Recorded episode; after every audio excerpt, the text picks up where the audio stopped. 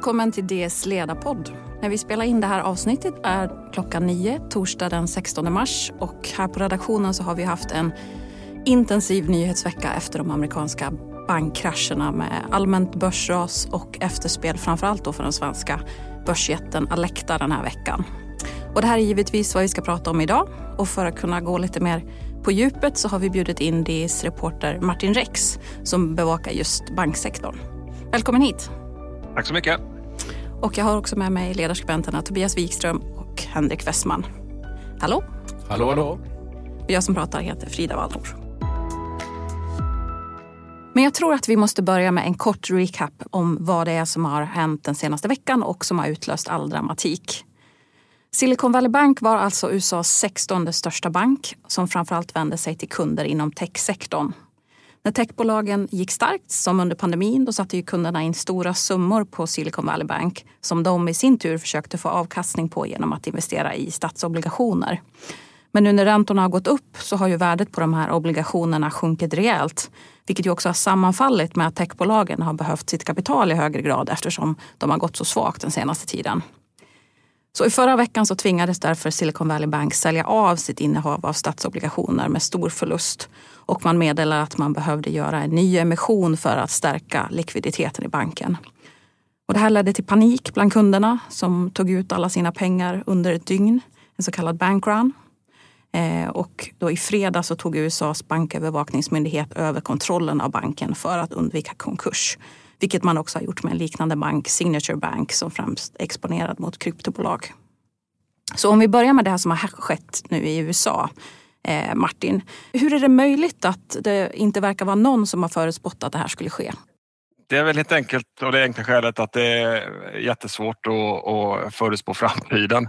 Eh, alla aktieanalytiker i stort sett utom en har ju varit mer eller mindre positiva till den här eh, banken Eh, kreditvärderingsinstituten har sagt att eh, den är säker. A, har haft ett A-betyg då. Det är väl så det brukar se ut när eh, banker går under. Att eh, fram till att det, krisen är här så tycker alla att det, det ser bra ut. Så det ser ut i, så det ut i finanskrisen 27-28 också. Och varför det ser ut så, det, det vet jag inte, men det är bara att konstatera att det brukar se ut så. Men, eh, Martin, jag tänker på det också att eh, det, det, som har framkommit var ju att de då ville göra den här nyemissionen för att täcka sina förluster och den var ju i sig inte särskilt stor. Det känns ju som att eh, ja, den hade kanske kunnat lyckas och då hade ja, vi inte hamnat här. Det här känns som en, liksom en serie olyckliga händelser om man nu ser det utifrån de här SVBs perspektiv. Och ja, det i sin tur skapade just den här och, och, kraschen och att det gick så otroligt fort. Ja, just det där att det går fort är ju eh, ganska intressant. Eh, man kan ju reflektera kring alltså de här likviditetskraven, alltså de, de krav som ställs på banker, de är ju mångt och mycket utformade efter finanskrisen och det, det är ju ganska länge sedan nu. Eh, I en värld där vi inte hade sociala medier och så vidare, där information visserligen spreds snabbt men inte närheten lika snabbt som nu kanske. Eh, en reflektion kring det här är ju att, att, att en sån här bankrun går otroligt mycket snabbare idag. Eh, kanske mycket snabbare än vad man liksom kunde förutspå för tio år sedan. Eh, när de här reglerna kom fram, eh, eller togs fram. Eh, och det är någon, kanske någonting som reglerarna måste fundera över eh, angående likviditetskrav och liknande. Att man kanske inte måste bara skydda mot liksom bankruns utan mot någon slags banksprint också. Eh, just att, det, att, att paniken kan spridas så oerhört fort eh, och pengarna kan rinna ur en bank så oerhört fort. Mm. Och en av de här aktörerna då som eh, verkligen inte tycks ha sett det här komma det är ju då svenska pensionsjätten Alecta som alltså var storägare i båda de här bankerna som nu har gått omkull. Och så en ytterligare eh, tredje nischbank, amerikansk.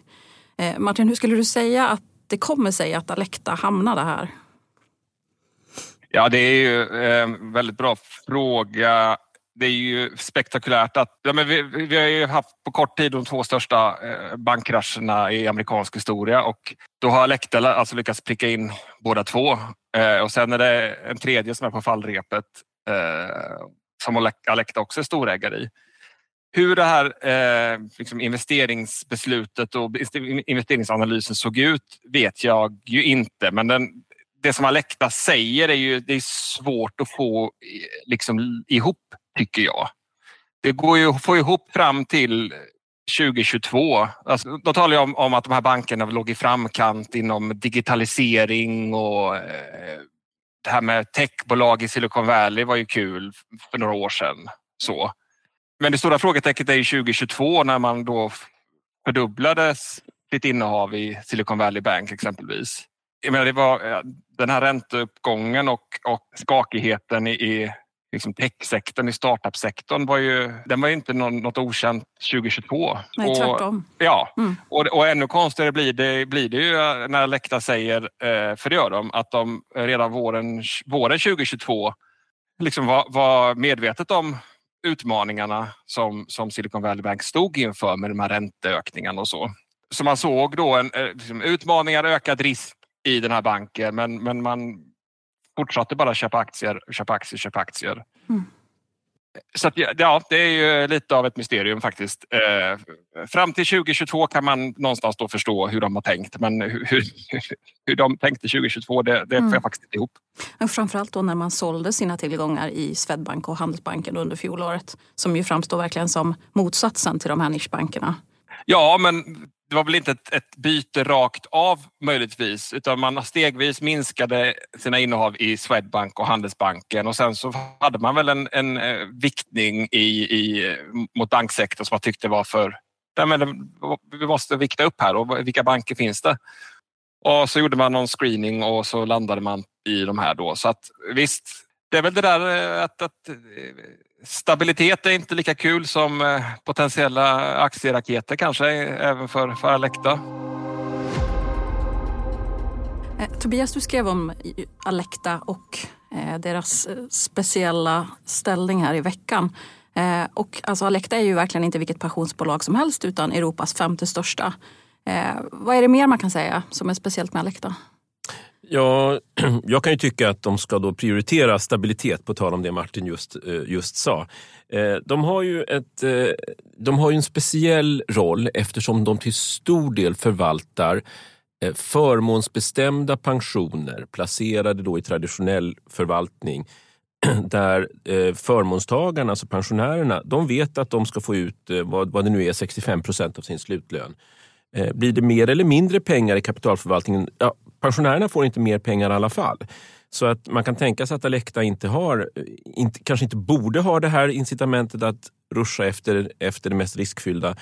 Eh, men framförallt så, så har ju det här systemet lett till att eh, Alecta har fått väldigt stora överskott genom åren eftersom de inte kommer då till de här pensionärernas fördel för de har en förmånsbestämd pension. Sen har de en stor del då för yngre tjänstemän som då har premiebestämda pensioner. Jag tror att det är för de som är födda 79 och senare. Mm. Men som till exempel när det gäller AP-fonderna så har de väl väldigt strikta investerings liksom regler som sätter stopp för den här typen av riskfyllda investeringar. Skulle man kunna tro, i alla fall Martin. Eller vet du det? Ja, alltså det, som alla stora organisationer som de här så har de ju oändligt med policydokument om allt möjligt. Men, men det är väl så att inga, inga policydokument i världen, hur bra de än är, kan liksom förhindra dåliga affärer. Mm. Och det är ju trots allt så att, att de här äh, bankinvesteringarna eh, som vi nu talar om, att de nollas, det, det äventyrar ju inte på något sätt liksom pensionerna.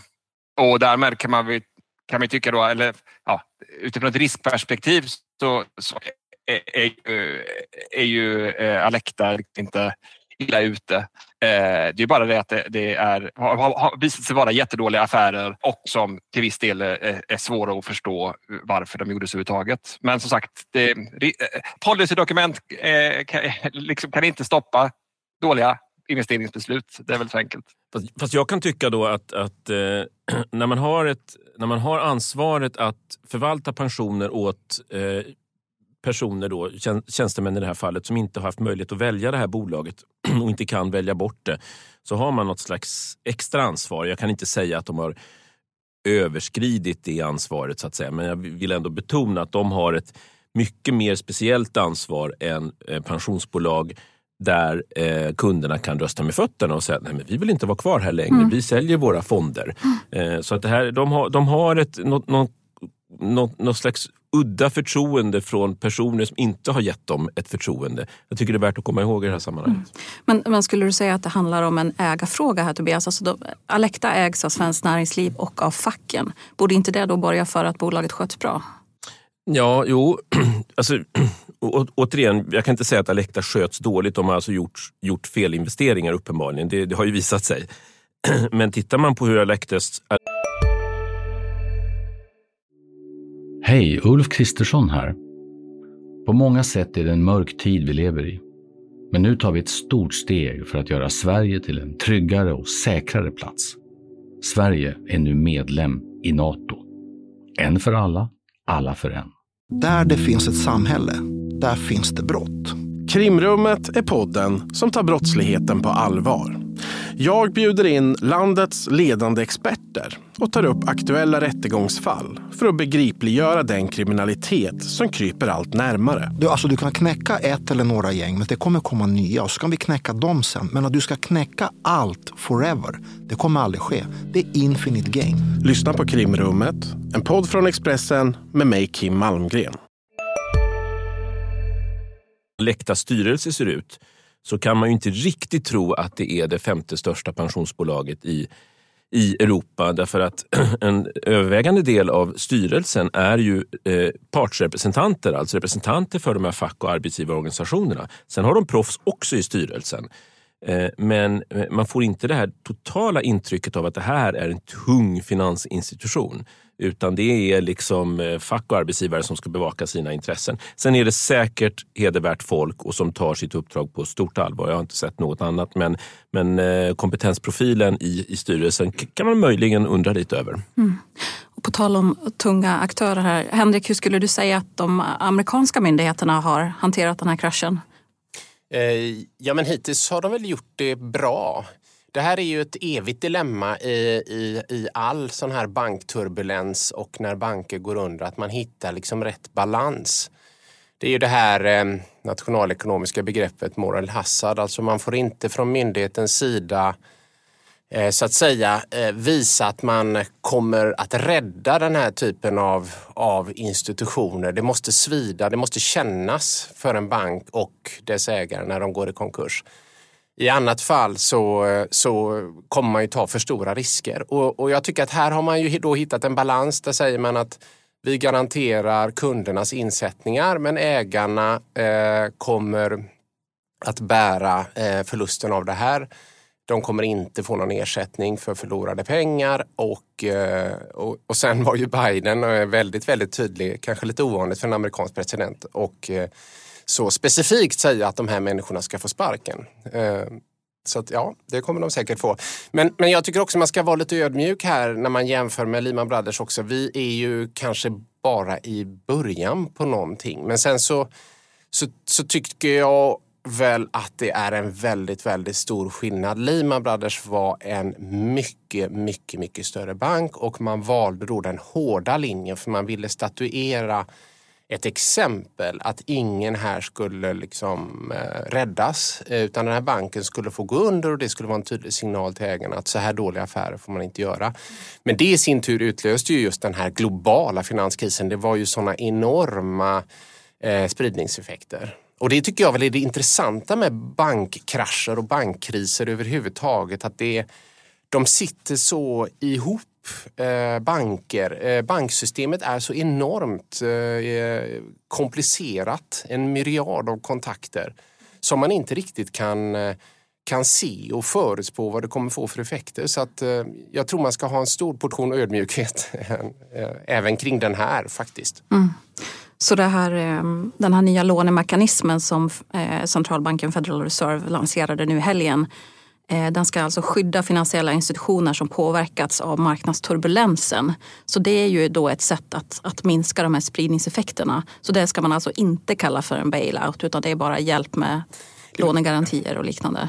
Jag tror att det beror på vem man frågar om det är en bailout eller inte. Eh, Alltså, det, det, är ju en väldigt svår situation för en myndighet att befinna sig i. Eh, och amerikanerna har ju eh, väldigt dåliga erfarenheter hur det gick när man försökte köra den hårda linjen med Lehman Brothers. Det blev ju någonting mycket, mycket värre. Så jag tror att man måste hela tiden försöka hitta rätt balans här. Att liksom rädda och stötta men det ska svida för de ansvariga. Eh, och, och, den här mekanismen har säkert en, en god god roll och eh, rättmätig funktion eh, i, i den här räddningen, det tror jag. Om man tittar då på, på Alecta, Martin, så verkar det ju inte bli svida jätte, jättemycket för Alecta. Men hur skulle du säga liksom svenska bankerna generellt, är det här en stor grej?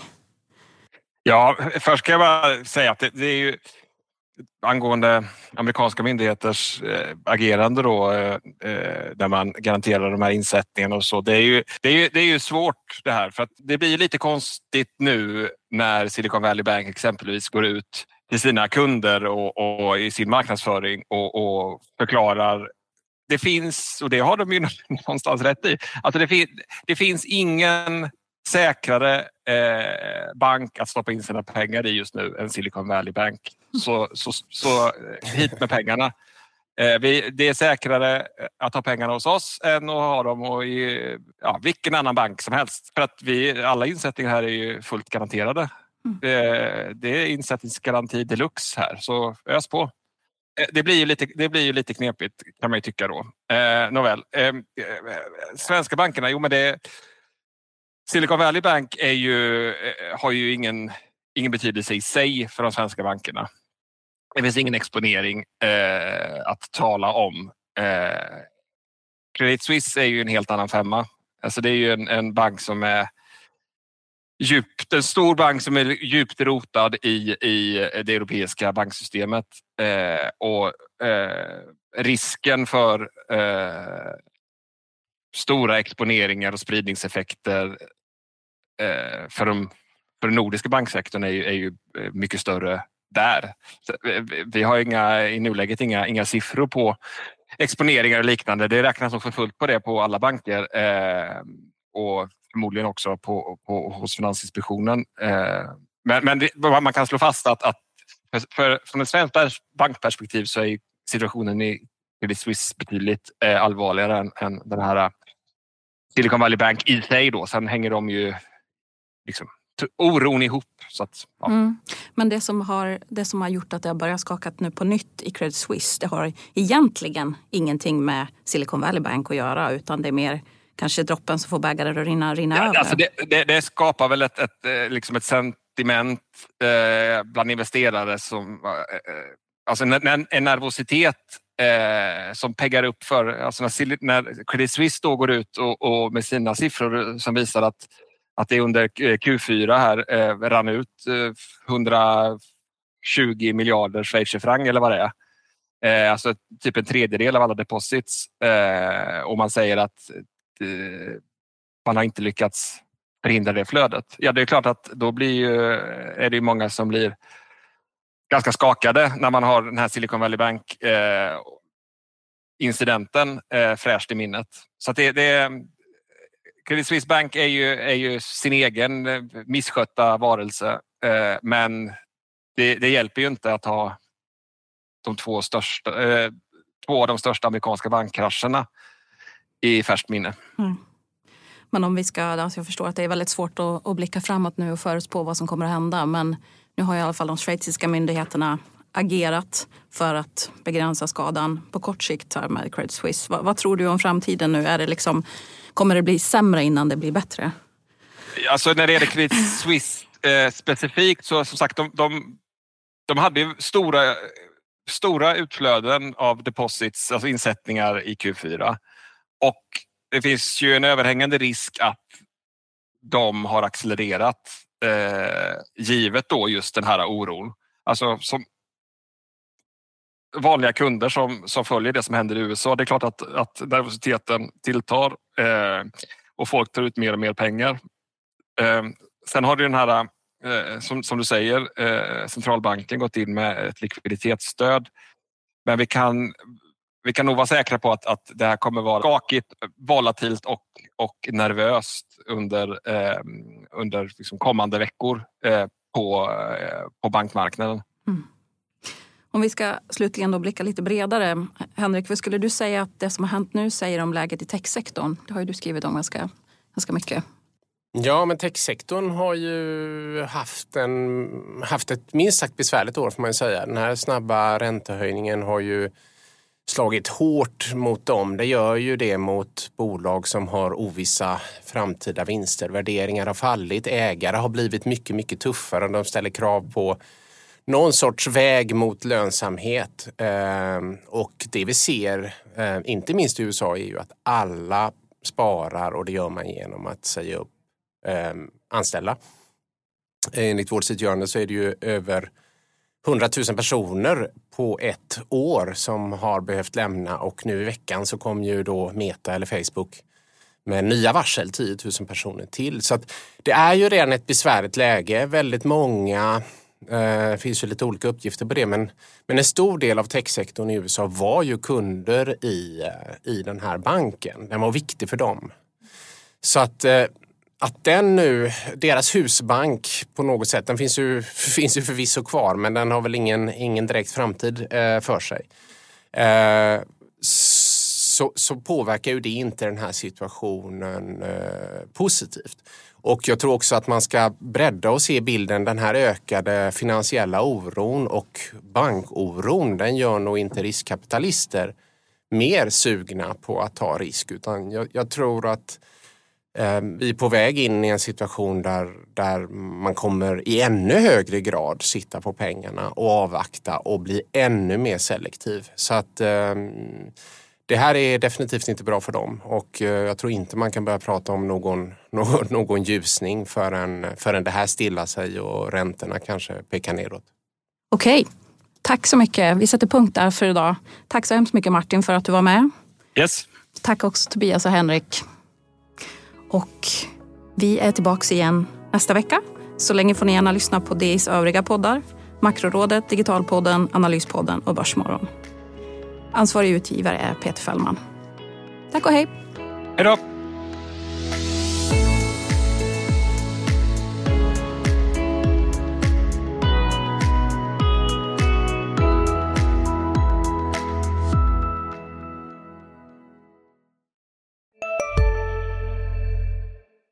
Vi är specialister på det vi gör, precis som du. Därför försäkrar vi på Swedea bara småföretag, som ditt. För oss är små företag alltid större än stora och vår företagsförsäkring anpassar sig helt efter firmans förutsättningar. Gå in på swedea.se företag och jämför själv.